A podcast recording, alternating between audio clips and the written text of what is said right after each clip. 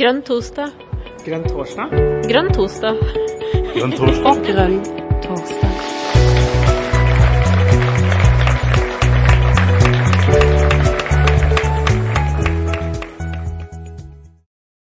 Nå er klokka 20.01, Karina.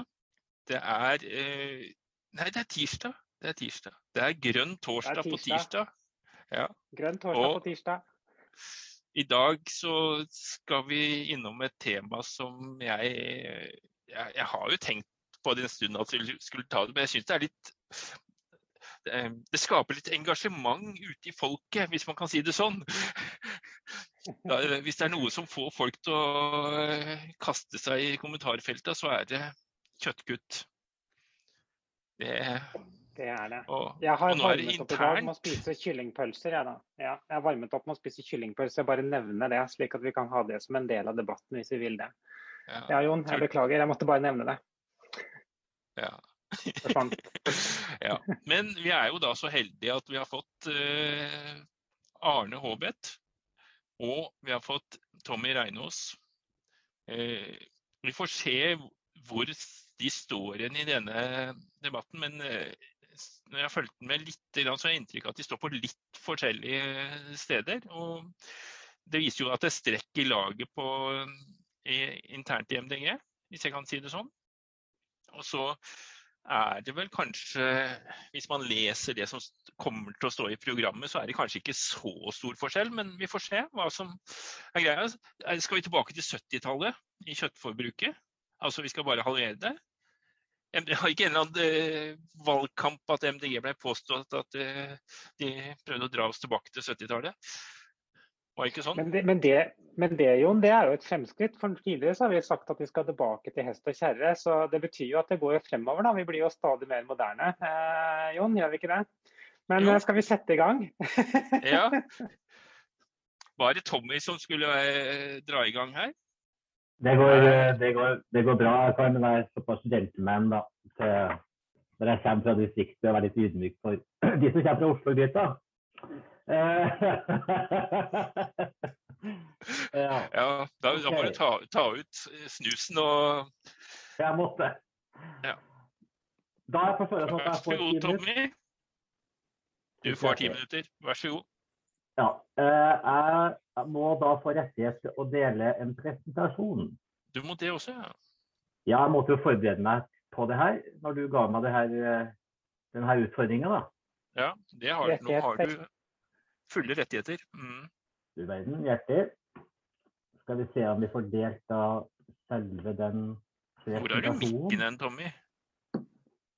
Uh, mik mikrofonen, den er vel på Ja, hvor er den? da? Da må jeg sjekke innstilling.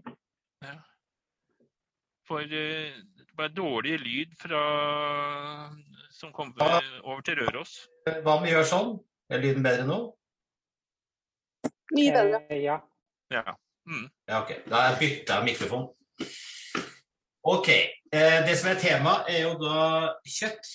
Eh, det som eh, kanskje ikke Det er jo ikke uenighet om at vi skal redusere kjøttforbruket. Fastslå det først og fremst.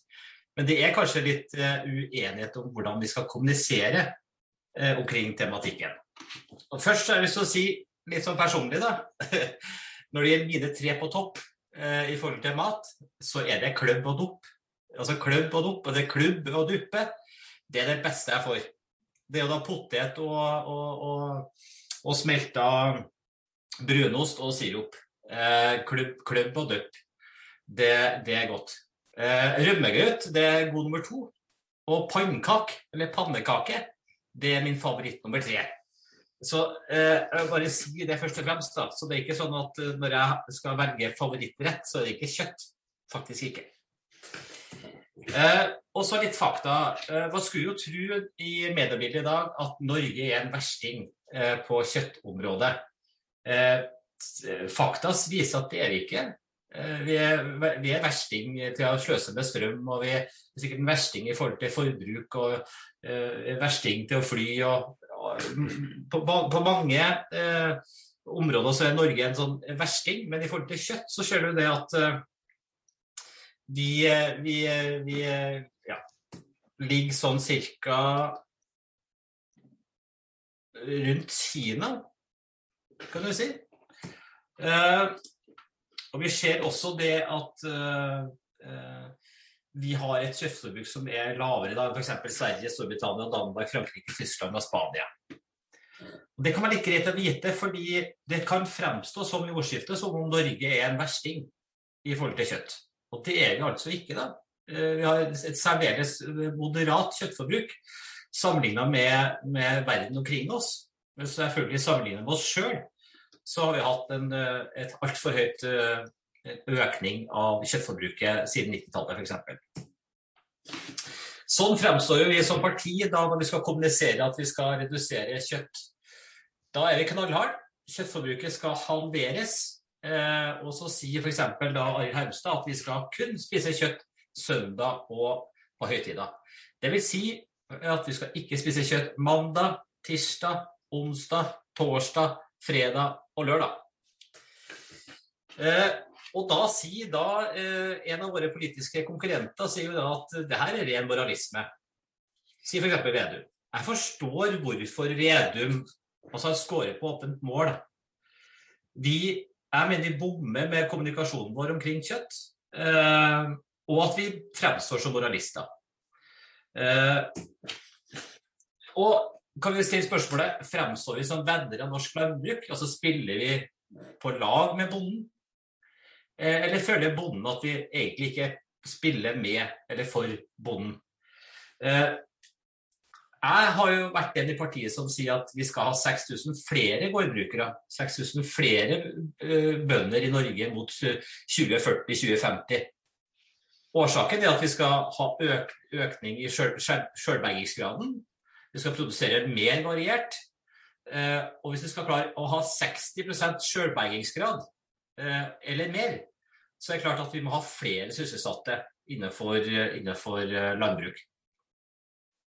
En annen måte å si det på er at Nibio har et tall eh, hvor de sier at det er 130 000 innenfor bionæringene i Norge i dag. Eh, altså landbruk, havbruk, skogbruk. Potensialet er togangeren. Så når, når, mange spør hva vi skal leve av etter oljen, så kan vi egentlig si bionæringene, da. Sånn fremstår vi på Facebook vi fremstår et, som et parti, mener jeg, som snakker i, i for, for, høy grad om matvaner. Jeg mener at partiet skal snakke om matpolitikk, og vi skal ikke blande oss opp i hva folk har på, på tallerkenen. Eh, partiet fremstår på Facebook og Instagram som at vi gir gode råd. Eh, Vegangutta er leid inn for å fortelle hvordan du skal lage den perfekte veganske retten. Eh, det mener jeg gjør at vi fjerner oss vi, fra folk flest. og at vi kan bli oppfatta som virkesfjern og ikke nok jordnær når vi har veldig endimensjonalt fokusert på vegan, vegansk mat. Vi fremstår som vegetarpartiet De Grønne. Er det en strategi som gjør at vi da får mer tilslutning til det Grønne? Eh, får økt oppslutning om Miljøpartiet De Grønne? Eller er det sånn at de da, som da ikke er vegetarianere, føler at det her kjenner meg ikke seg igjen i? Hva med småbarnsforeldre som på en hverdag lager kjøttboller til barna? Eller hva med jeg som putter inn en Grandiosa på en onsdag, for jeg rekker ikke noe mer mellom jobb og idrett og bursdager og hele logistikken som trebarnsfar. Er jeg da en dårlig far? Jeg mener at MDG skal fremme eh, og ha fokus på klimavennlig mat, og ikke kun gjenta kjøtt, kjøtt, kjøtt. Så vi må fokusere fra matvaner over til matpolitikk. Eh, vi bør sette søkelys på mat som har lavt fotavtrykk, altså avtrykk både på klima og natur, og god dyrevelferd. Og Gjennom matpolitikken så kan Miljøpartiet De Grønne fremme bærekraftig mat. Så hvis jeg skulle ha bestemt hvordan vi skulle kommunisert ut vår matpolitikk, så skulle vi da snakke om matpolitikk, ikke matvaner, for det første. Dyrevelferd er det viktigste temaet for Miljøpartiet De Grønne når vi skal eventuelt gå inn i hvordan skal vi produsere mat. Og så har vi selvfølgelig alt det andre med ren mat, kortreist mat, sjøbergingsgrad, økologisk mat, variert matproduksjon osv. Og så mener jeg at Når vi snakker om matpolitikk, så skal vi ikke bare snakke om kjøtt. Vi skal også snakke om dyrevelferden, klimaavtrykket, fotavtrykket til havbruksnæringa eller oppdrettsnæringa. Vi er jo kjent med at dyrevelferden der er elendig. 50 millioner rensefisk dør da i, i de her åpne oppdrettsmerdene i, i, Norge årlig. Det er jo en dyre, dyrevelferdspolitisk katastrofe. I oppdrettsnæringa er det også sånn at én av, åtte, en åtte oppdrettslaks dør i de åpne merdene årlig. Altså 52 millioner eh, laks dør i det her merdene da i, i 2020. Eh, hvis det hadde vært sånn at en annen matindustri hadde hatt, hatt en så dødelighet, ikke bare på de husdyrene man har, men i tillegg dødelighet på omgivelsene, så hadde det vært et folkeopprør i Norge. Men det er kanskje noe med oppdretten. Når det her skjer under vann og ut av syne, så vekker ikke det det sterke folkelige engasjementet som skulle ha vært der. Miljøpartiet Grønne bør være der og også kjempe for dyrevelferden til lands og til vanns. Så vi bør fokusere på klima, ja. Eh, vi bør fokusere på både norsk kjøttindustri, men også norsk oppdrettsindustri. Dyrevelferden, vi bør sette rett søkelys mot både dyrevelferden på land og til sjøs. Og ikke minst så må vi også se på hvordan er det matproduksjon eller matindustrien påvirker naturen. Og Der er jo norsk oppdrett i en særklasse i forhold til at de bygger ned sjønaturen vår. Eh, I forhold til både gytefelt, rekefelt, fiskeområder med mer. Så hvis jeg hadde fått bestemt hvordan vi skal kommunisere her, så ville jeg sagt at vi skal ikke snakke om matvaner eh, og være, være en sånn eh, one-liner omkring kjøtt. Vi skal snakke om matpolitikk. Uh, og Vi kan gjerne la, da lage konfliktsaker i en valgkamp om tematikken dyrevelferd. Og her er det veldig veldig mye å gå løs på. Kyllingindustrien kjenner vi til. Jeg husker Grønn Ungdom som kom med et ganske kontroversielt utspill hvor de tok til orde for å legge ned kyllingindustrien i, i dagens driftsform. Et, et, forslag jeg kan stille meg fullstendig bak. Vi kjenner til griseindustrien med de dokumentarene som har vært gjort, og også den dokumentaren som NOAH har laga i forhold til dette er faktisk lov. Altså det ene er det som er brudd på dagens lov, men det er veldig mye som er lov innenfor dagens griseindustri, som er helt forkastelig. Og oppdrettsindustrien, der er det mye, mye å gjøre og ta tak i i forhold til dyrevelferd og klimamiljø. Og så har jeg lyst til å avslutte med at kjøtt er ikke kjøtt. Hva er det jeg mener da? Jo, det er det at uh, vi har lange jakttradisjoner i landet. Vi har mye vilt. Eh, altså I Trøndelag så er det veldig vanlig at, at, at, man, at, eh, man, kommer fra familie som har nærhet til jakt og fiske og fangst. Eh, eh, vi bør egentlig framsnakke at vi eh, eh høster naturens overskudd når det gjelder elg, rådyr, hva det skal være av vilt. Men det vi kan reagere på, det er denne indrefileten som, som ligger på Rema 1000 fra Uruguay. Det syns jeg ikke er greit. Eh, og så fjerner jeg det bildet over her. skal vi se. Fisk er jo heller ikke fisk. Eh, vi har et enormt rikt fiskeri i landet. Da tenker jeg på villfisken vår. Lange tradisjoner. Det går på identitet, det går på lokal verdiskapning. Har, altså, fisken har vært veldig viktig i bygging av nasjonen Norge, ingen tvil om. Og det fiskeriet bør MDG framsnakke. Og Vi har også et enormt eh, hva skal vi si, mulighetsrom når det gjelder produksjonen som skjer naturlig i våre fjellvann. Eh, I forhold til at det er en fornybar ressurs som vi bør ta bedre vare på og ta eh, mer i bruk. Og Jeg reagerer jo eh, når jeg da ser denne ørreten i frysedisken på Rema 1000 som er importert fra Chile. Er det greit?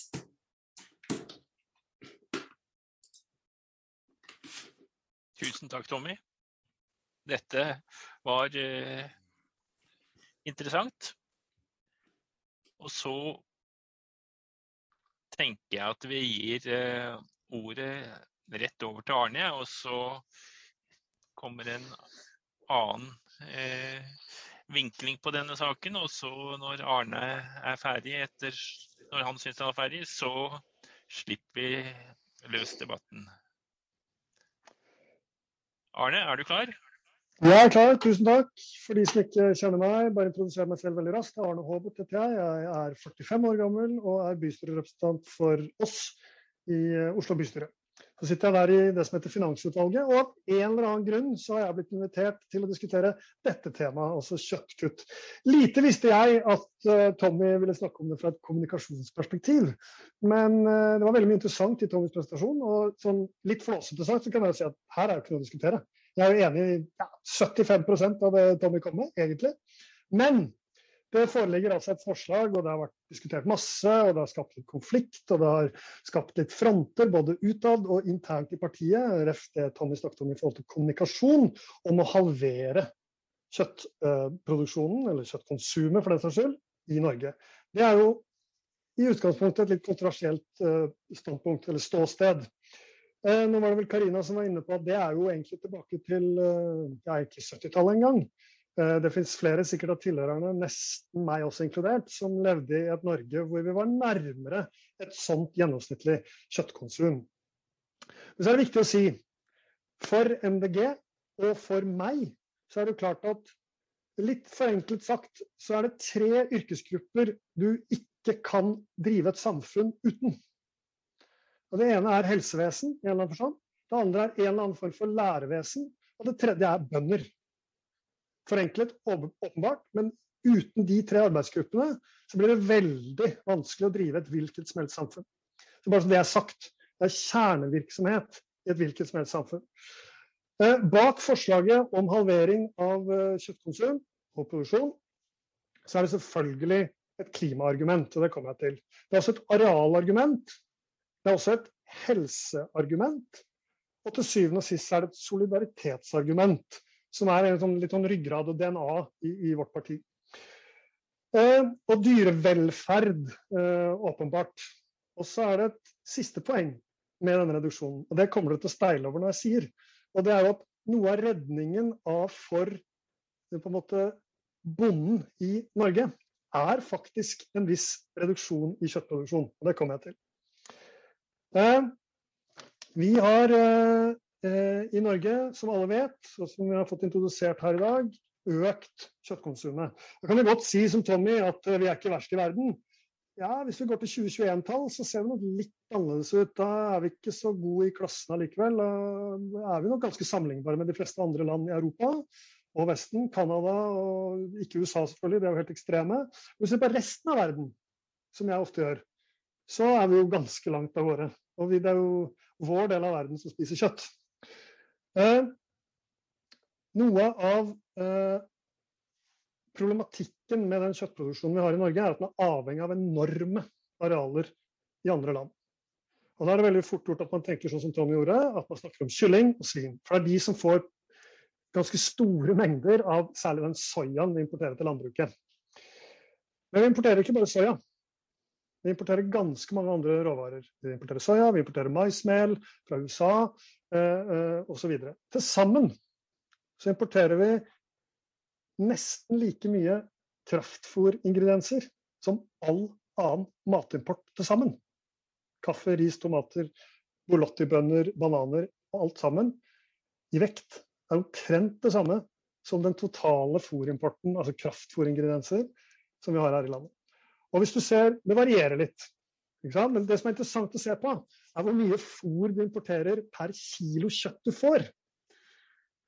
Og Det er ganske spennende. Hvis du da ser på storfe, som ofte blir trukket fram som et, av noen som et bedre måte å produsere kjøtt på enn f.eks. kylling og svin, for de får jo bare på en måte kraftfôr, eller den type fôr. Hvis du ser på per kilo, så i beste fall så er storfe på overkant av fire kilo kraftfôringredienser per kilo kjøtt. Og Så varierer det litt år til år, men rundt 50% av det kraftfôret er importert. For sau så ligger det vel et sted mellom 2,5 og 3, delt på to, altså halvparten er importert. Og da blir det litt interessant å se på dem. Det er jo en av grunnene til at vi av og til spøker litt med det noen sier at uh, it's not the cow, it's the how. Og jeg svarer sorry, it's the cow. Uh, uansett. Uh, og så har vi et bilde av storfeproduksjon, særlig i Norge, som er litt som Freia-reklamen. Og Der har vi et problem over lang tid med en ganske rar landbrukspolitikk i Norge. Hvor det på en måte har vært over mange mange tiår har vært liksom, skrudd inn mot store bruk, enorme investeringer et kjempepress på de dyrene. Altså, en melkeku må vel levere fra seg noe sånt som ti tonn produkt for at det hele tatt skal svare seg før, før det dør. Kua dør. Eh, og den arealbruken er interessant. For det første så representerer den i seg selv et ganske kraftig, et ganske formidabelt klimagassutslipp. Som ikke vi alltid regner som vi skal her i landet. Det andre er arealbruken. og så skal vi ikke basere norsk kjøttproduksjon på den importen. Så må vi enten øke arealbruken i Norge noe formidabelt, eller så må vi redusere den totale produksjonen.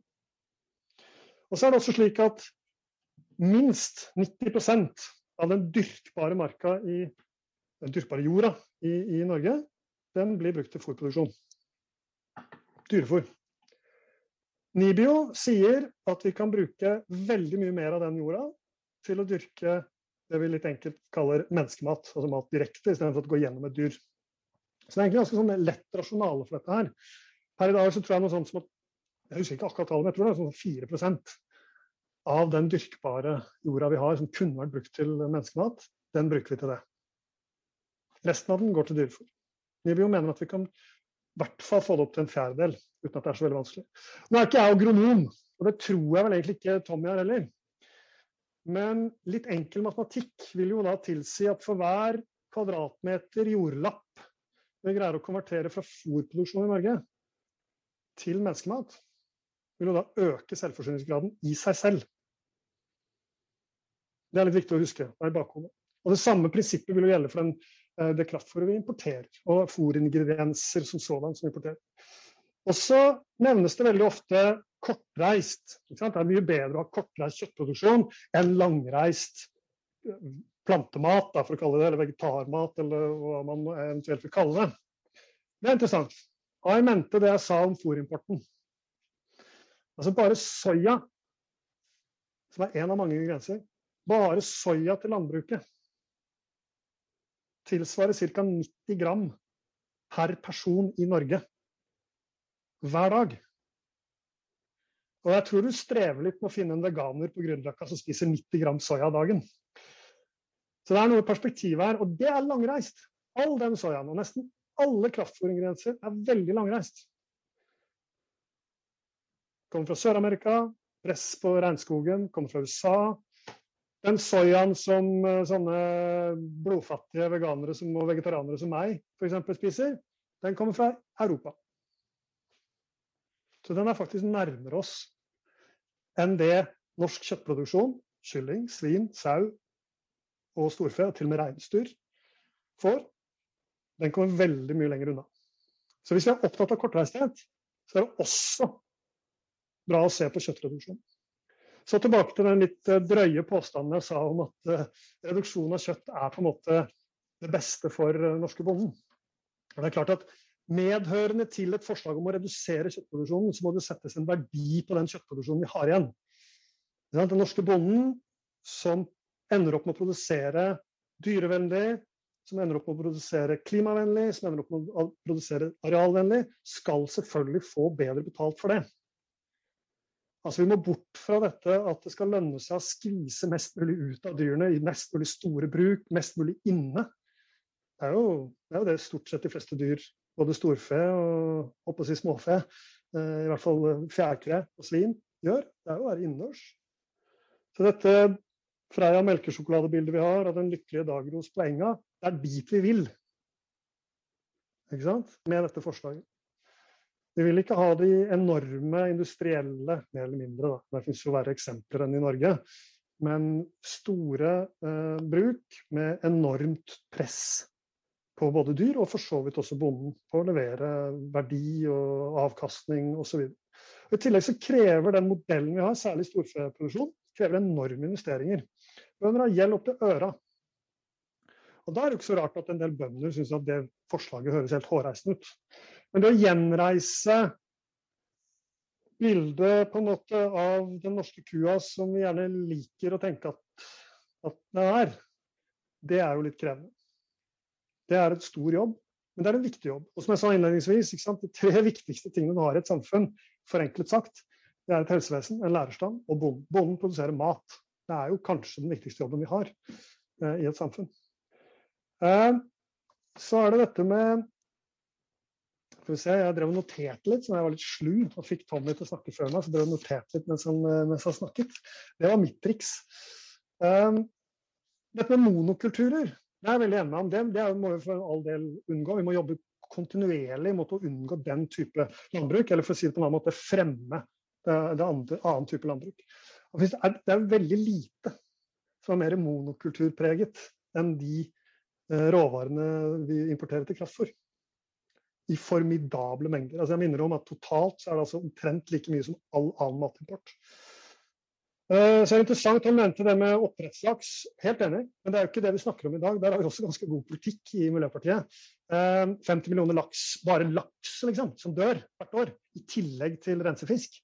Og så kan vi jo ta en liten parallell til kyllingindustrien, altså hvor 3,6 millioner omtrent hannkyllinger etter at de klekkes, slaktes med en gang. Fra dyrevelferdsståsted så er det ganske hårreisende. Eh, så nevnte han jakt og fiske. Ja, bevare meg vel. Eh, kjør på, det er fint det. Eh, fine tradisjoner på det. Men det finnes altså ganske mange flere beitende i gåseøynene. For det er jo ikke alle dyr som, alle storfe eller for den saks sau som beiter hele tiden. Det gjør det slett ikke.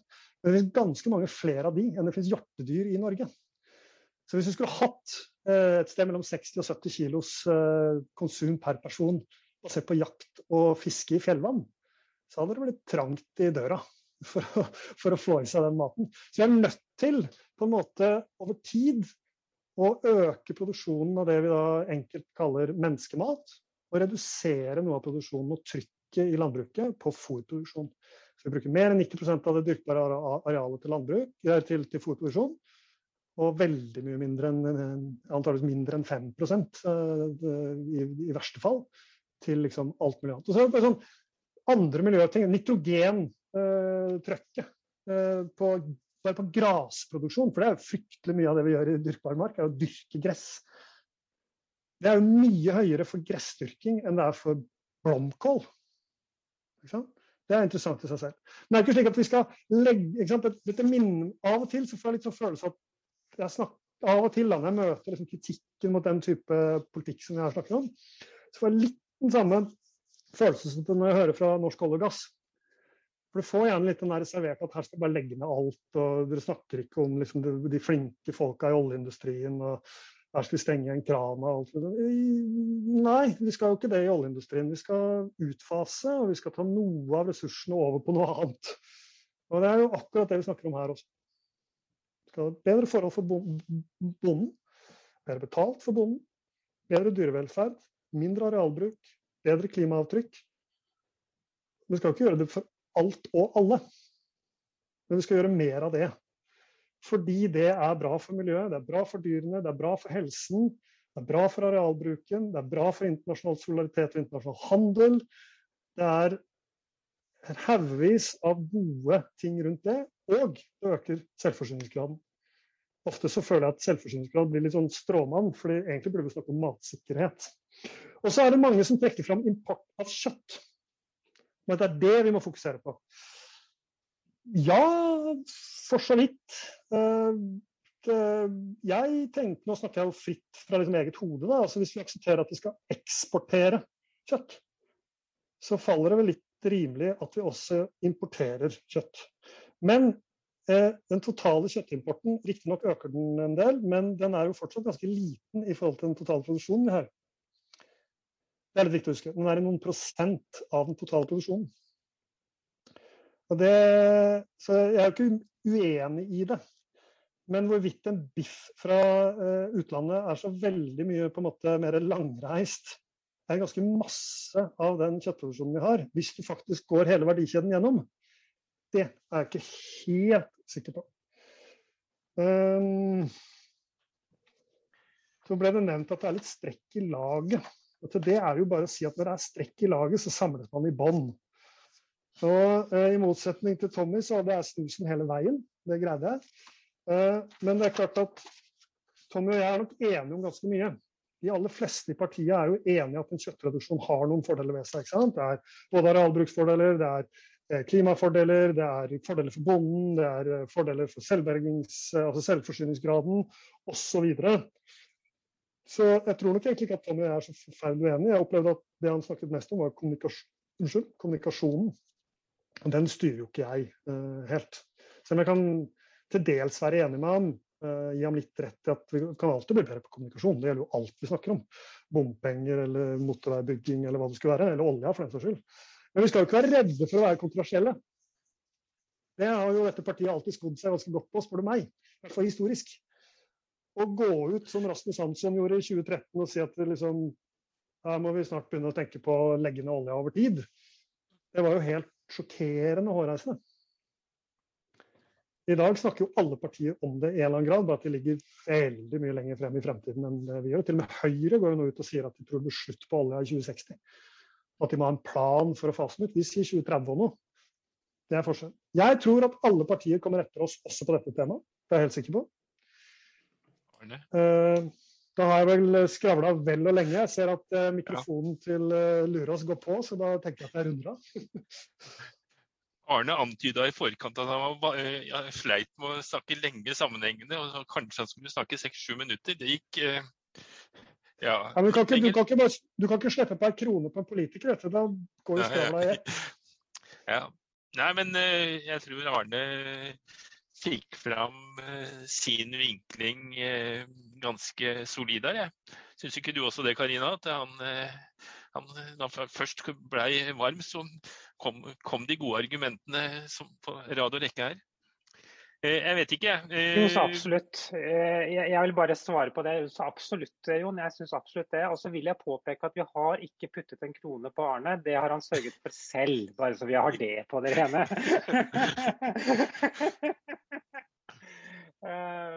Men vi ser at det er noen som har begynt å tegne seg. Det er Bruk raise hand-funksjonen, eller skriv én i chatten hvis du vil ha et innlegg, eller to hvis du vil ha en replikk. Du kan også skrive spørsmål i chatten. Eh, først ute er eh, Hanne. Eh, vær så god, ordet er ditt. Takk skal du ha. Ja, jeg syns jo det Tommy sa, det var veldig mye bra i det.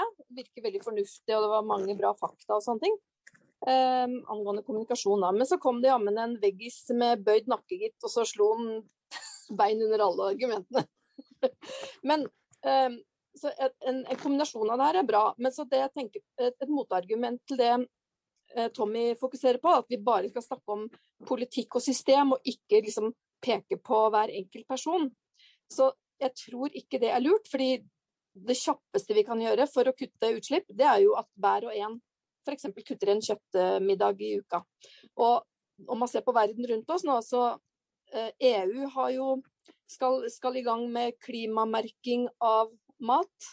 Matvarer. De har vel ikke helt bestemt seg hvordan de skal gjøre det. Toro har begynt nå med masse bra forslag til å bytte ut uh, kjøttdeig fra dyr med vegetarkjøttdeig. Så, og, og, de skal også i gang med en klimamerking, sånn at hele samfunnet rundt oss nå eh, satser på forbruker ansvar. Uh, og Framtiden i våre hender fikk jo nå utarbeida av Asplan Diak en en, forbrukerbasert eh, klimaregnskapsbudsjett. Og jeg har også foreslått det i vårt eh, på vegne av MDG Røros eller Trøndelag. Eh, vi har fått det inn i programutkastet vårt at vi skal ha et forbruksbasert et klimaregnskap. Så, så, det er liksom så kjapt, så vi har ikke tid til å bare vente på system. For hva er det systemet er, da? Det er Høyre og, og gjengen, ikke sant. Senterpartiet eventuelt, Frp eventuelt. Um, og så var det bare en liten fotnote til det med uh, dyrkbar og dyrk, dyrket jord. Det er forskjell på det. Um, sånn at er, I dag har vi jo 3,6% dyrket jord i Norge. Vi har ca. bortimot 4% dyrkbar jord i Norge. Og ettersom jeg husker rett, så er det både Thomas Cottis og Arne Grønlund eh, nevner vel at eh, halvparten av de der 90 vi bruker til dyrefôr nå, altså det varierer litt da, mellom 30 og 60% Der kan vi dyrke matplanter til mennesker. Så jeg tror det er mer enn det du sa, Arne. Takk. Ja, ble argumentasjonen din slått bein beina under, Tommy? Du skal få svare på det etterpå, men først er det Arne. Nei, jeg tenkte bare skulle si til det med fôr og dyrkbar jord og dyrkbar mark. Og, ja, Eh, du har helt rett, men jeg, la meg på et litt forsiktig og konservativt tall. 25% av det vi i dag dyrker. og som da er litt over 3 av, av landarealet. Eh, så hadde jeg en kommentar til, men det husker jeg ikke i farta, så da slipper dere den. Nei, men da er det Tommy som får ordet. Takk, eh, Arne. Nei, Jeg synes uh, Håbet sin uh, kommunikasjon står på egne ben, og min kommunikasjon står på egne ben. Og hvem som spenner bena under hvem. Det, jeg ser ikke at det her er en sånn bensparkingkonkurranse. Eller sånn revkrok, kaller de det i Trøndelag. Uh, men det er klart Jeg vet jo hva, hva, hva, hva hadde Færhagen vet, men i saka. Så jeg skjønner, jeg skjønner på en måte at her er det litt sånn eh, altså For enkelte så går det her matgreiene det blir nesten som en slags religion. da. Og jeg advarer mot det. Og så sier jeg det at vi, hei, nå må vi prøve å tenke oss litt om når vi da kommuniserer omkring eh, kjøtt. Og da sier jeg at jeg mener at vi ikke skal legge oss opp i hva folk har på middagsleiken. Det kan uh, Folkehelseinstituttet eller Framtid våre hender eller andre gjøre. Vi er et politisk parti. Vi skal snakke matpolitikk. Og hvordan kan vi bruke politikken til å nå de målene vi skal sette oss som samfunn uh, i den tid vi lever i? Uh, og Det er det jeg da prøver å skissere. Og jeg, jeg kan jo være såpass tydelig at jeg, at jeg, mener at det sporet vi har i dag, da, med de eksemplene jeg dro opp, er med på å avkjøle oss som parti. Altså det, er ikke, det, det er ikke sikkert at vi kommer til å nå denne sperregrensa. Uh, mener jeg. Vi fikk et måling nå i dag på 3,3, uh, eh, så det går jo nedover og nedover og nedover. og nedover da. Og det er klart, altså, Hvis vi blir oppfatta som veldig endimensjonale, i for stor grad endimensjonale, at vi sånn, har sånn overslag på de kjernesakene våre, så er det sånn at vi da, da blir det bare grunnfjellet. Da. da blir det samling i bunnen, som Hobbit sier. da. Samling på gulvet. Og så møtes vi igjen da, på 2,2% og må bygge oss opp igjen. nå tenker jeg det blir temperatur i salen. Takk. takk. Takk, Tommy. Det får vi se. Eh, Frans, er du klar? Er det lyd på deg? Ja, det er lyd fra meg. Hei, hei. Ja. Hyggelig. Velkommen. Fantastisk. Tusen takk. Og eh, fantastisk eh, gøy å eh, være med på dette initiativet her. Um, jeg er jo vokst opp i et litt mer middelhavskjøkken. Eh, Eh, og mat, eh, med, med Middelhavs matvaner. Og, eh, og, der er vi vant til at, at du er hva du altså Et begrep som er at du er hva du spiser, ikke sant. Og ikke dermed sagt at man Det skaper jo selvfølgelig rom for tolkning, men og smake, Det å få godt forhold til smaker er jo også veldig viktig. og, og og det, det storfebegrepet da, som vi bruker her i, eh, i, Skandinavia, eller i hvert fall Norge, er jo det at man liksom vet ikke egentlig hva man, man spiser kjøtt bare for å spise kjøtt, liksom. Eh, og eh, man har jo ikke noe forhold til hva er det dette denne, denne, oksen eller denne kua har spist. Ikke sant? Og, og, det er man i betydelig grad opptatt av lengre sør i, på kontinentet. Eh, eh, det å gi dyrefôr som koster mer enn det industriproduserte kraftfôret, eh, betyr at også bøndene har muligheten til å selv bestemme kvaliteten på kjøttet de produserer. Og jo dyrere det er, dvs. Si kanskje at de, de, de kan, ikke, kan, ikke, tillate seg å produsere på et industrielt nivå. Eh, for de legger seg på kvalitet istedenfor volum. Og Det vil jo være en veldig viktig insentiv for eh, la oss si fremtidens bønder. da. Eh, med tanke på at de kan eh, liksom, eh, starte opp sitt, eh, sitt, la oss si et, en, en, en, en, gård, ikke sant? Og, og drive det på en, på en lidenskapelig måte slik de ønsker, og være også selv, forsynt som går, eh, og ikke minst bidra til at nasjonen Norge kan være i økt grad selvforsynt også når det gjelder eh, kjøttproduksjon, kjøttproduksjon og ikke minst variasjon. Variasjon er jo kanskje også et veldig viktig nøkkelbegrep da, når det gjelder kanskje eh, hva, vi for, hva, vi spiser her i dette landet. Og eh, ja. Eh, så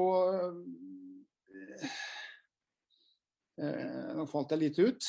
Um, men jeg hadde et par spørsmål her, og det var jo det at uh, Skal vi se her ja.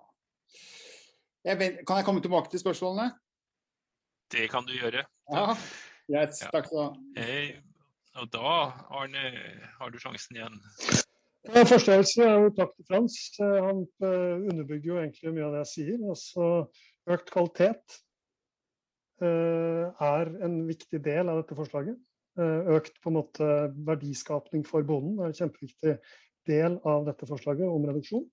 Det er noe med at eh, sant, som jeg sa i sted, at det beste for den norske kua, for å bruke et litt enkelt eksempel, er jo at den er mer på beite, den er mer ute, og den spiser mindre kraftfôr. Da er vi nærmere det bildet vi gjerne tror at den norske kua er, som er ganske langt fra det den er i dag. Og så har jeg et par kommentarer til, eh, til Tommy. Jeg klarer jo ikke å være å kommentere det. Altså, han bruker argumentet som at siden man er veggis, så liksom er det ikke noe overraskende at man mener dette her. Ja, kan man jo litt flåsete si tilbake at siden du driver med jakt og fiske og er glad i kjøtt, så, så har du på en måte den samme som han brukte, religiøse utgangspunktet. Så, så det, det, det er liksom ikke noe argument. Og så er det dette med sperregrensa. Eh, Jeg tviler på at det er denne kjøttdebatten som gjør at vi eh, eventuelt ikke skulle nå sperregrensa. Nå tror jeg at vi når den fint. Eh, Jeg tviler på det. Og så er det jo en megatrend, både i verden ellers og i vestlig verden i hvert fall, og ikke minst i Norge, at kjøttreduksjon er på vei inn. Vi har jo allerede begynt å redusere kjøtt. Vi spiser mindre kjøtt nå enn vi gjorde for noen år siden. Allerede. Det er jo så, liksom for å bruke et engelsk uttrykk, in the conversation som det noen gang har vært. Um, uh, og så til dette med samling i bånd. Uh, det, kan man, det er et bilde man kan bruke på at det liksom går til bånds. Men som eh, alpinkjører eller telemarkkjører, så er jo det å samles i bånd, det er jo uh, jækla gøy. Så det var ikke sånn ment som, som allegori. Takk.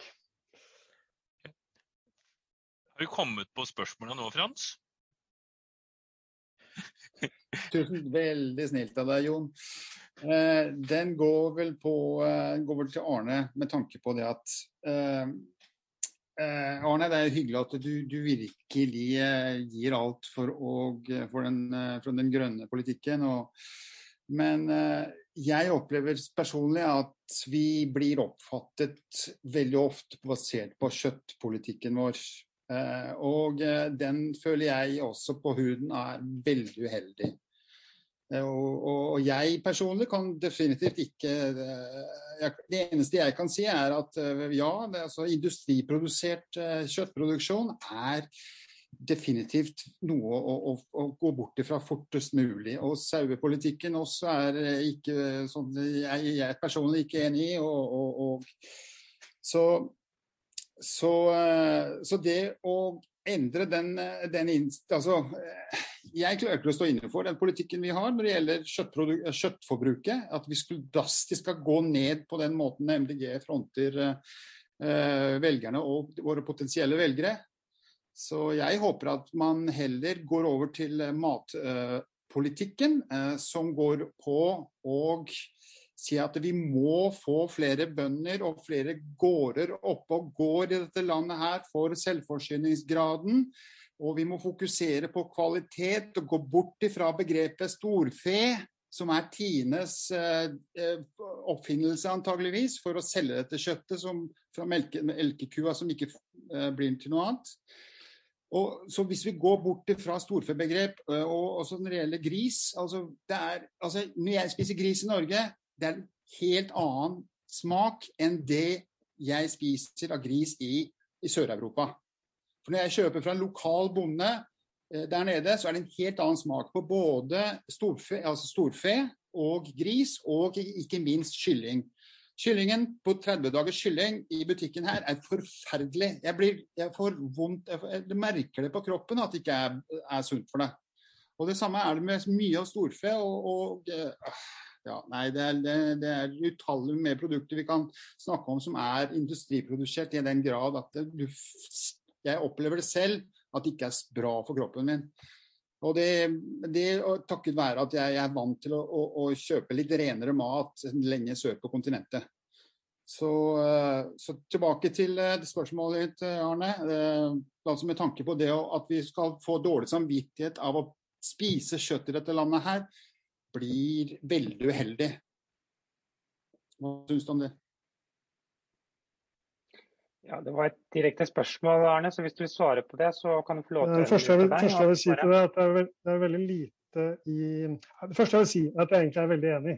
Kommunikasjon som jeg sa innledningsvis, kan vi alltid bli bedre på.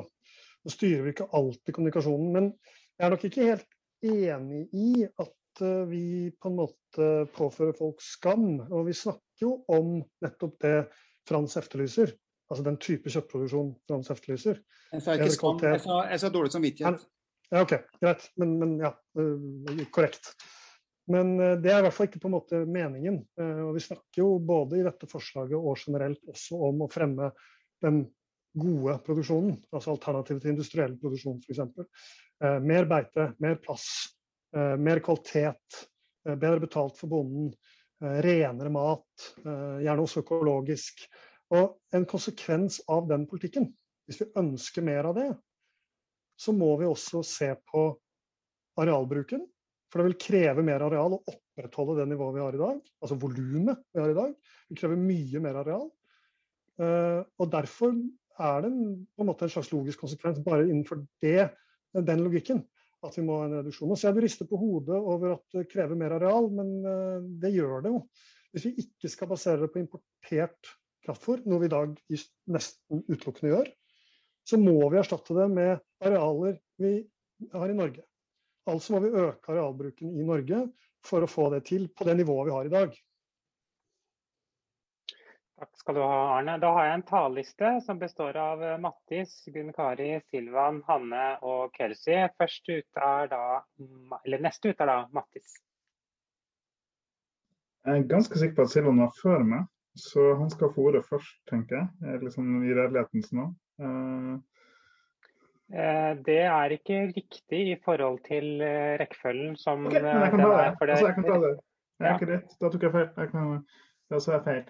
Eh, ja. Um, blir mest, eller blir egentlig bare et spørsmål til Tommy her. Uh, for jeg jobber jo for partiet i et fylke som ligner ganske mye på ditt, med et uh, sørfylke med altså jeg blir i Vestland, uh, for fylkestingsgruppa der.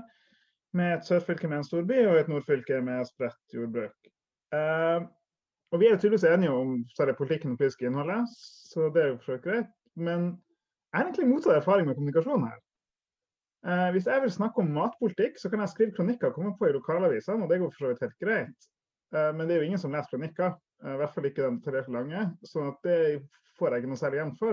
Men hvis jeg har lyst til å komme på redaksjonelt og få mine politikere og få intervju og få saker i hovedmedia til avisene her, og også i hvert fall vil interessere litt større om det er NRK Vestland eller om det er BT eller whoever, um, så funker det er en del andre ting som også funker. Det funker veldig bra å brøle leggende olje. Det funker veldig bra å være imot ved som alle andre er glad i. og Det finnes en god del andre ting jeg kan gjøre for å få til det.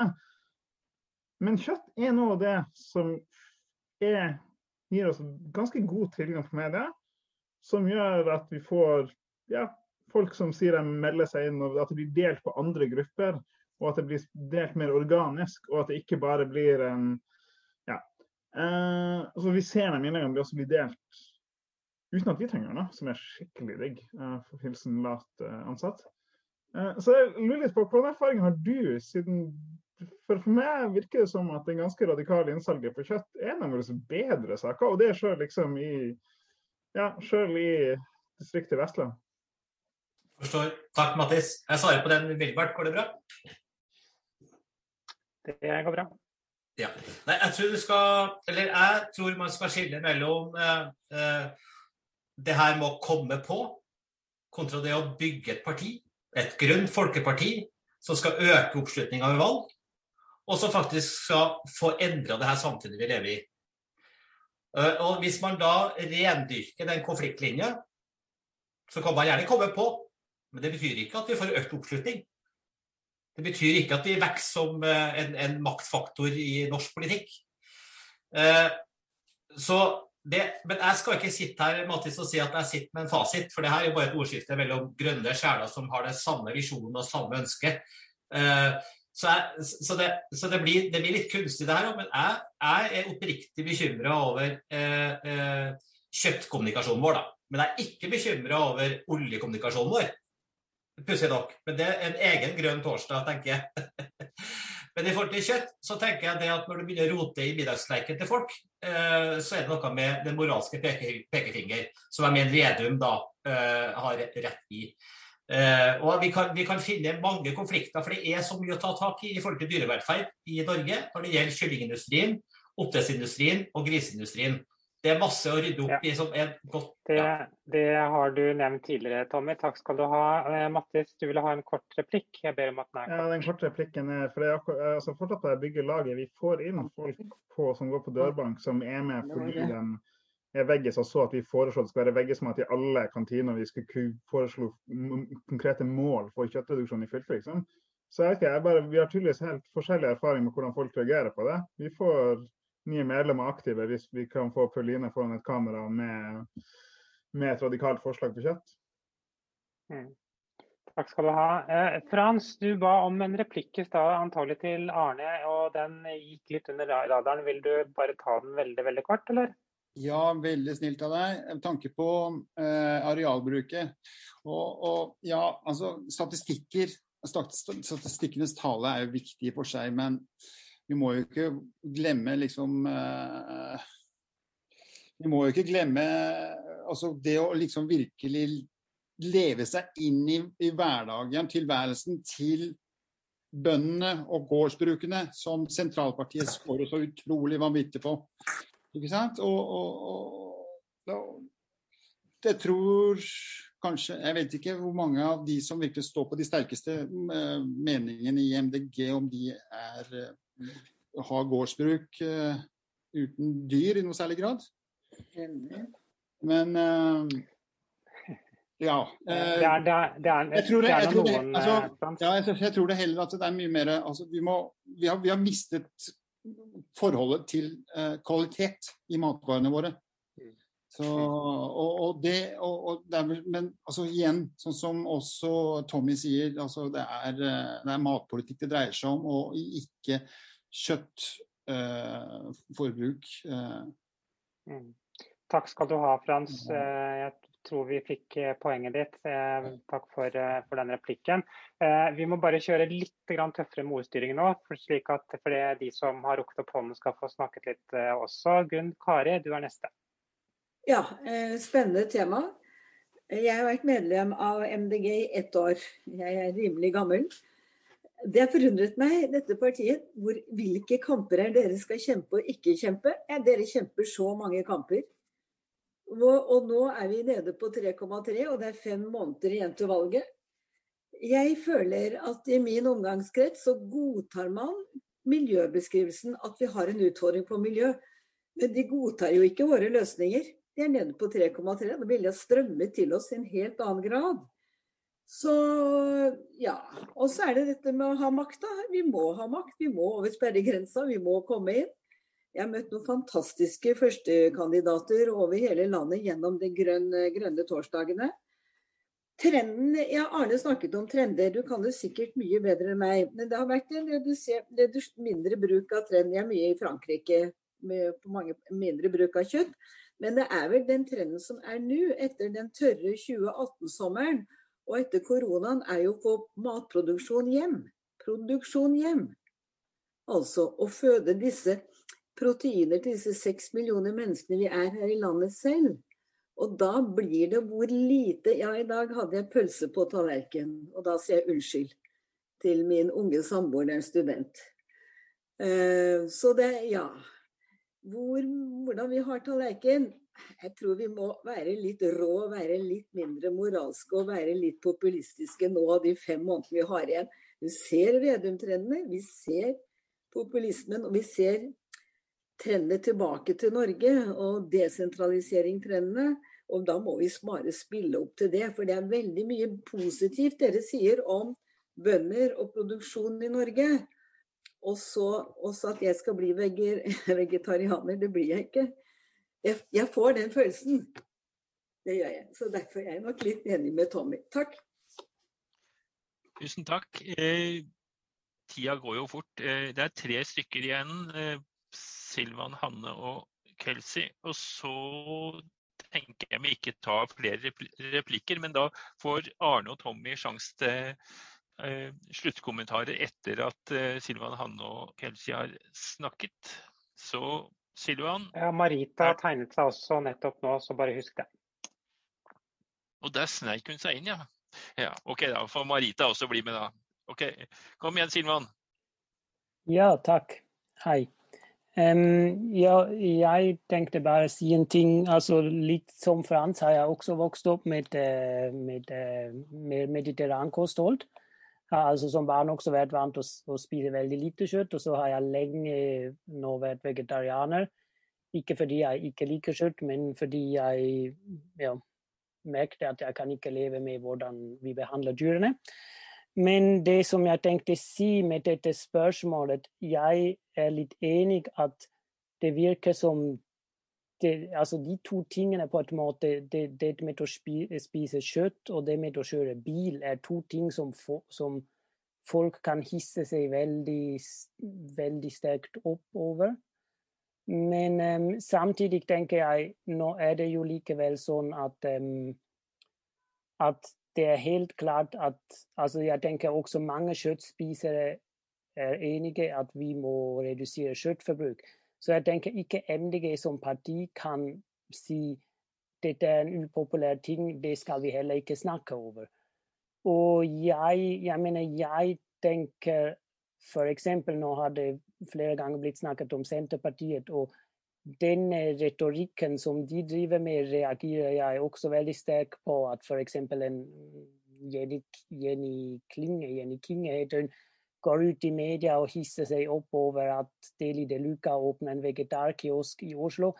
Altså, da tenker jeg det er virkelig en del opplysningsarbeid som dette landet kanskje trenger. Men jeg tenker også en annen ting som, som MDG kanskje kan tenke på, er at um, man må kanskje mer også kommunisere at dette å spise mer vegetar må ikke nødvendigvis bare være å gi avkall. Og en ting som jeg merker, fordi jeg har mange venner som, som spiser kjøtt, men som gjerne vil spise mer vegetarmat. Og jeg merker bare jeg har levd i Norge nå i snart fire år. Og folk som har aldri, altså nordmenn som har aldri levd i utlandet, er, merker jeg ofte ikke så visst over dette. Altså vegetartilbud på kantiner, på kafeer, på restauranter er ekstremt dårlige i dette landet. Altså til og med i Oslo skjer det veldig ofte at hvis jeg vil kjøpe meg en liten snack på kaffebrenneriet, så finnes det kun en muffin som jeg kan kjøpe, fordi det er ingenting som er vegetar. Så der tenker jeg f.eks. Hvis, hvis man kjører med den ideen at kantiner, kantiner på jobb eksempel, skal ha mer og bedre vegetartilbud, da blir det på en måte ikke, en sånn, ikke den moralske pekefingeren å forby folk ting, men faktisk å ha en bedre tilbud og velge sjøl. Også og, og, og kanskje velge vegetar, selv om du liker å spise kjøtt. Så det tenker jeg er en, en viktig ting å tenke på også. Takk. Tusen takk. Eh, Hanne, Takk. Litt, litt apropos presentasjonen til Tommy, eh, og også litt om det her med bil og kjøtt. Fordi um, våre fiender, da, som vi prøver å overbevise, dem sier at å nei, det er så mye å, Kina og India, å, det er så mye verre i andre steder. ikke sant? Og da argumenterer jo vi at, med at Norge, ja, vi må også gjøre vårt fordi vi er rike, og gå foran som et godt eksempel. Og jeg pleier å argumentere for at om du summerer alle de her europeiske landene, så blir jo det òg like mye som et indisk eh, kontinent. Eh, Men så når det kommer til kjøtt, internt i MDG òg, da, da er det liksom kjøttivrerne som inntar den derre fienderollen egentlig, og bruker går akkurat samme fella som, som de som argumenterer for eh, norsk olje og gass. da. Så det er så snodig det psykologiske elementet der. Eh, Ja, fordi eh, Tommy viste jo da liksom at det, å, det var så mye verre i andre land og sånne ting. Eh, Og så en sak nummer to, det er jo at selv om òg bilkjøring er en veldig privat forbrukerting, så er det jeg mener det er ingen i Miljøpartiet som mener at nei, vi skal vel egentlig ikke gå over til elbil alle sammen. Nei, nei, nei. nei. Det, det, blir for, det, det, blir for, inngripende. Nei, nei, nei. Men så når det gjelder kjøtt, da, da er det plutselig Nei, da skal alle få lov å bestemme selv. Så vi er så dobbeltmoralske da, i kommunikasjonen vår. Eh, og så husker jeg ikke mer. Så det var bra. Takk. Da, eh, Kelsey, eh, fint om vi er litt eh, korte nå. Altså, Arne, du får sjansen til slutt, så du kan ta, ta. Kelsey, vær så god. Ja, hei.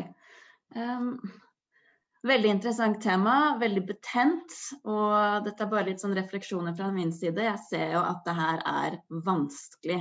Og så hører jeg at man er bekymret for valget og sånn, komme med sånn moralsk pekefinger. Men jeg, jeg, vil bare understreke at altså, en av grunnene til at jeg er medlem i partiet også, er fordi dette, dette skal være et parti som forholder seg til fakta. Og, og vitenskap og forskningen. Og det er ikke noe debatt eller noe tvil i forskningen om vi må redusere kjøttforbruket vårt. Det, det er noe som må på plass. Sånn at jeg syns nesten det er verre om vi ikke tar et standpunkt der utad, at vi skal være redd for å si det. Og jeg syns også det er kjempeimponerende og bra at vi er så opptatt av dyrevelferd. Det er også noe som kunne ha slått litt feil, at altså man blir fremstilt som sånn som bare syns synd på dyrene.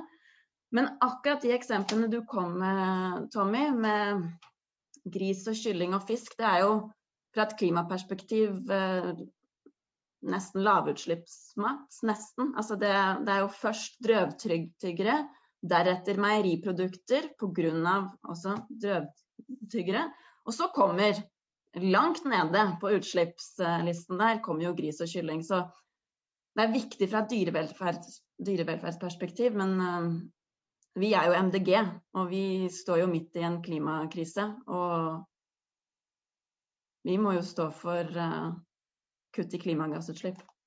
Så da må vi nesten ta hensyn til det. Og jeg syns det er veldig farlig å snakke om kjøtt fra utlandet, som kjøtt fra Uruguay f.eks. Og begynne å sette det opp mot norskprodusert kjøtt. Det er jo det Gilde gjør. Se på oss her i Norge har vi klimavennlig kjøtt. Den er litt sånn skummel. For det er ikke klimavennlig. Det er eh, Selv om det er hakket bedre enn at det blir fraktet fra Uruguay. Så vi, jeg vet ikke hvordan liksom, denne diskusjonen skal fortsette. Jeg syns det er en kjempeviktig diskusjon. Jeg håper det blir mer enn dette møtet her. For jeg, jeg har ikke noe svar på det selv. Men vi må trå litt sånn varsomt. Men vi må stå for noe riktig. Ja, det var meg. Takk. Eh, mm. Marita, er du der? Ja, jeg er her. Ja, eh, vi skal stå for noe, absolutt. Eh, og er det en tid hvor eh, hva vi faktisk kommuniserer, sånn som Tommy sier, så er det tida for det nå. Vi har en koronasituasjon, vi har en pandemi. Folk er bekymra. Folk er bekymra for om vi faktisk er sjølforsynt. Fordi at verden endrer seg så fort. Vi er ikke sikre at vi kan importere så veldig mye mat. Da skal vi argumentere for politikken og ikke moralismen. Vi skal produsere mat over hele landet. Og over hele landet, det betyr på Vestlandet, det betyr i fjellstrøka, det betyr i Nord-Norge. Og uten at vi inkluderer kjøttproduksjon i det, så er det ikke liv laga. Ja, vi skal redusere kjøttforbruket. Vi skal redusere eh, kraftfôrforbruket og import av fôr. Vi er ikke uenig i det. Vi er enig i hovedlinjene.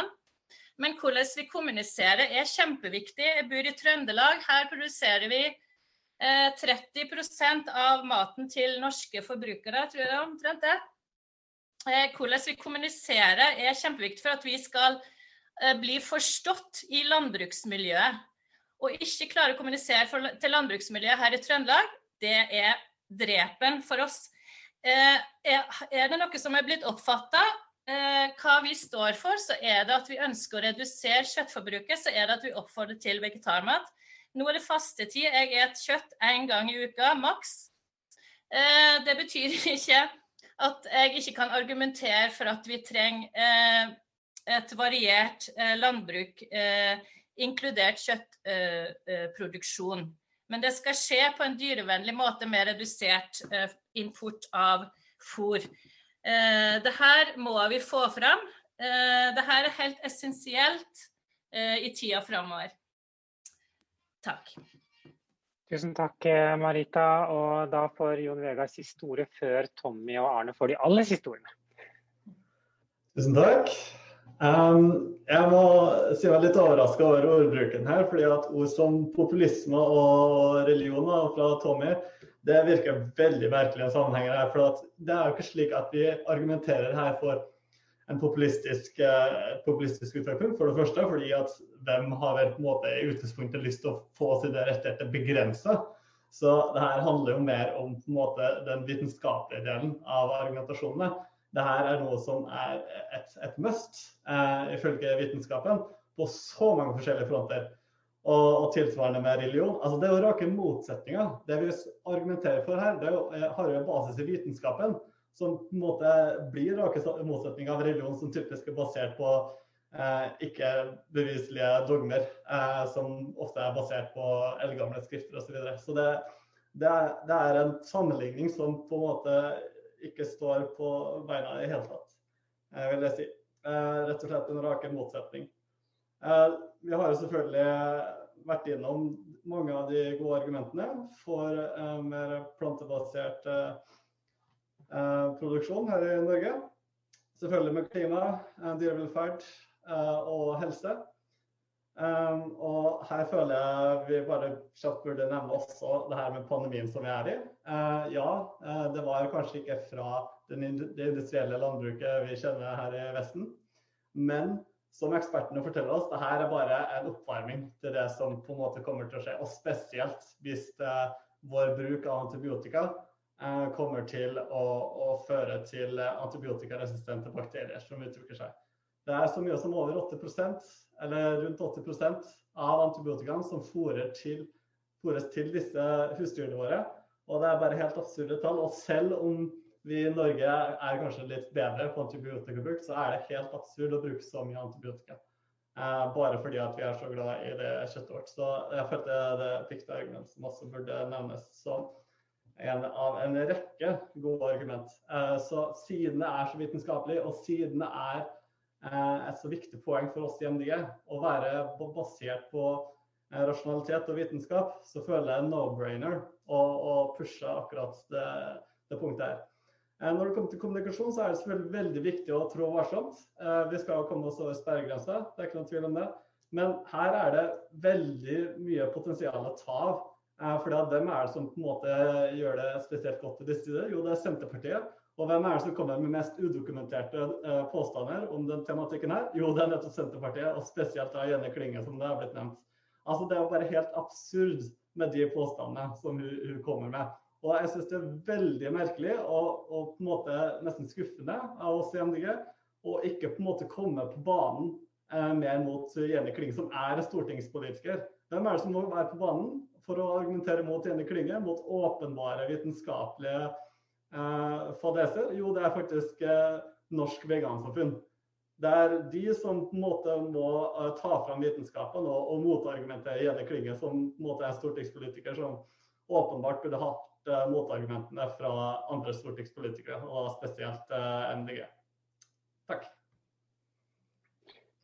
Ja, nå er ikke Senterpartiet her for å kunne svare for seg, men Arne, vil du, du, kommentere før vi gir sluttord til Tommy? Ja, det kan jeg godt. Um, jeg tenkte bare å ta det med Senterpartiet. Jeg er ikke helt sikker på om Senterpartiet er de vi liksom vinner valget på å slå. Det er jo ikke Senterparti-velgerne som typisk er de potensielle velgerne for oss, tror jeg. Det er jeg ganske sikker på. Men for å gjenta litt av det jeg sa, så skal vi også huske at, og det var jo Marita inne på, Mesteparten av kjøttproduksjonen det har vært vridd over lang tid. Kjøttproduksjon i Norge foregår rundt Oslofjorden og i Trøndelag og deler av Innlandet. Det er ikke på Vestlandet. Det er ikke grisgrendte strøk i nord. Der kunne vi hatt mer av det. Det ville vært bedre dyrevelferd, høyst sannsynlig. Vi har store bruk med enormt press på, på levering og kapasitet på sentrale Østlandet og Trøndelag. Det er det som er kjøttproduksjon, litt grovt skissert i Norge. Det er det vi utfordrer med dette forslaget. Vi importerer altså mer kraftfôr ingredienser i vekt enn all annen matimport til sammen. Apropos uh, sjølbergingsgrad. Så hvis vi får gjort noe med det, er vi allerede i gang noe med det, er vi allerede i gang med å øke selvforsyningsgraden. Variasjon, som Marita også var inne på, veldig enig i. Det er ikke snakk om å legge ned kjøttproduksjon, men det er snakk om å variere produksjonen totalt i Norge, og ikke være avhengig av store arealer med monokultur i andre land. Så der er vi helt enige. Så dette forslaget går jo ikke på, er jo ikke mot egentlig noe av det Tommy har sagt, eller noen av de uh, spørsmålene som har kommet uh, mer rettet mot meg i det hele tatt. Dette forslaget harmonerer veldig med, med de tingene um, som har vært nevnt. Um, så norsk landbruk har over lang tid blitt vridd over på store gårder med stort produksjonstrykk og store krav til dyrene, fremfor flere gårdsbruk, flere bønder, mindre gårdsbruk, større verdiskaping for bonden, bedre dyrevelferd, flere dyr ute og lenger ute. Så eh, bare for å berolige bl.a. Marita, nå nevner jeg henne flere ganger, det er sikkert mange andre som, tenker som henne, så handler jo ikke dette forslaget om å være imot kjøtt som sådan. Men det handler om, som noen andre her var inne på, en vitenskapelig og ganske rasjonelt begrunnet um, logikk. Og så vil jeg bare si det at Folk som liksom snakker om kommunikasjon Selvfølgelig, vi kan alltid bli bedre på kommunikasjon. Det er et mantra vi må ha. Men vi legger oss opp i alt mulig. Da. Vi legger oss opp i 150 000 arbeidsplasser i olje og gass. Eh, vi legger oss opp i hva folk har på tanken på bilen sin. Vi legger opp i hvordan de bruker bilen sin. Vi kjefter på folk om forbruket deres og flyreisene deres og bro- og tunnelbygging og vindkraft og gud vet hva. Men kjøtt, med en gang vi åpner kjeften om kjøtt, så er det en del som reagerer og syns at der går grensa. Det kan vi ikke snakke om. Eh, jeg mener at vi ikke skal være redd for det. Og jeg er ikke helt sikker på om at vi taper på det, for å si det litt diplomatisk. Takk.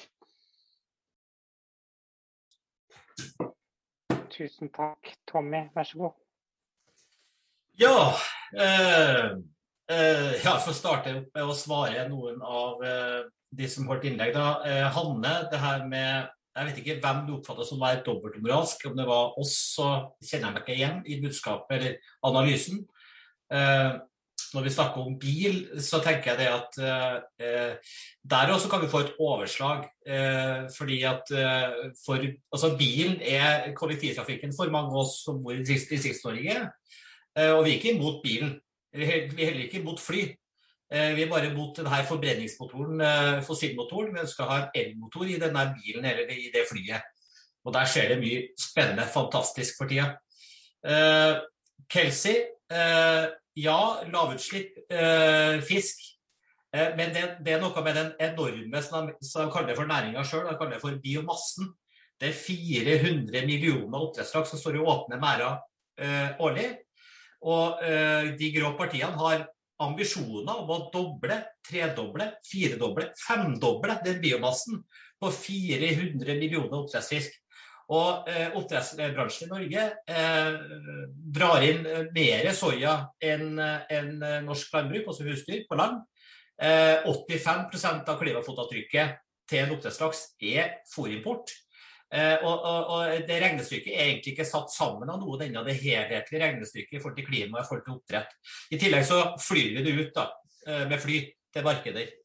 Eh, sånn at eh, per eh, produsert enhet så er sikkert det lavutslipp. Men biomassen er så stor, det er så svimlende eh, summer her, at det totale fotavtrykket er helt på, på, på linje med kjøtt i norsk målestokk.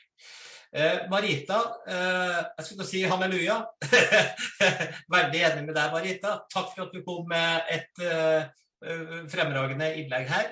Vi må argumentere for politikken, og det er jo der vi er enige. Vi er jo enige i politikken. Det er derfor jeg tar tak i kommunikasjonen her. Eh, for, vi, for jeg mener at eh, den, vi avkjøler oss sjøl. Altså, vi gjør oss sjøl en bjørnetjeneste, måten vi fremstår på.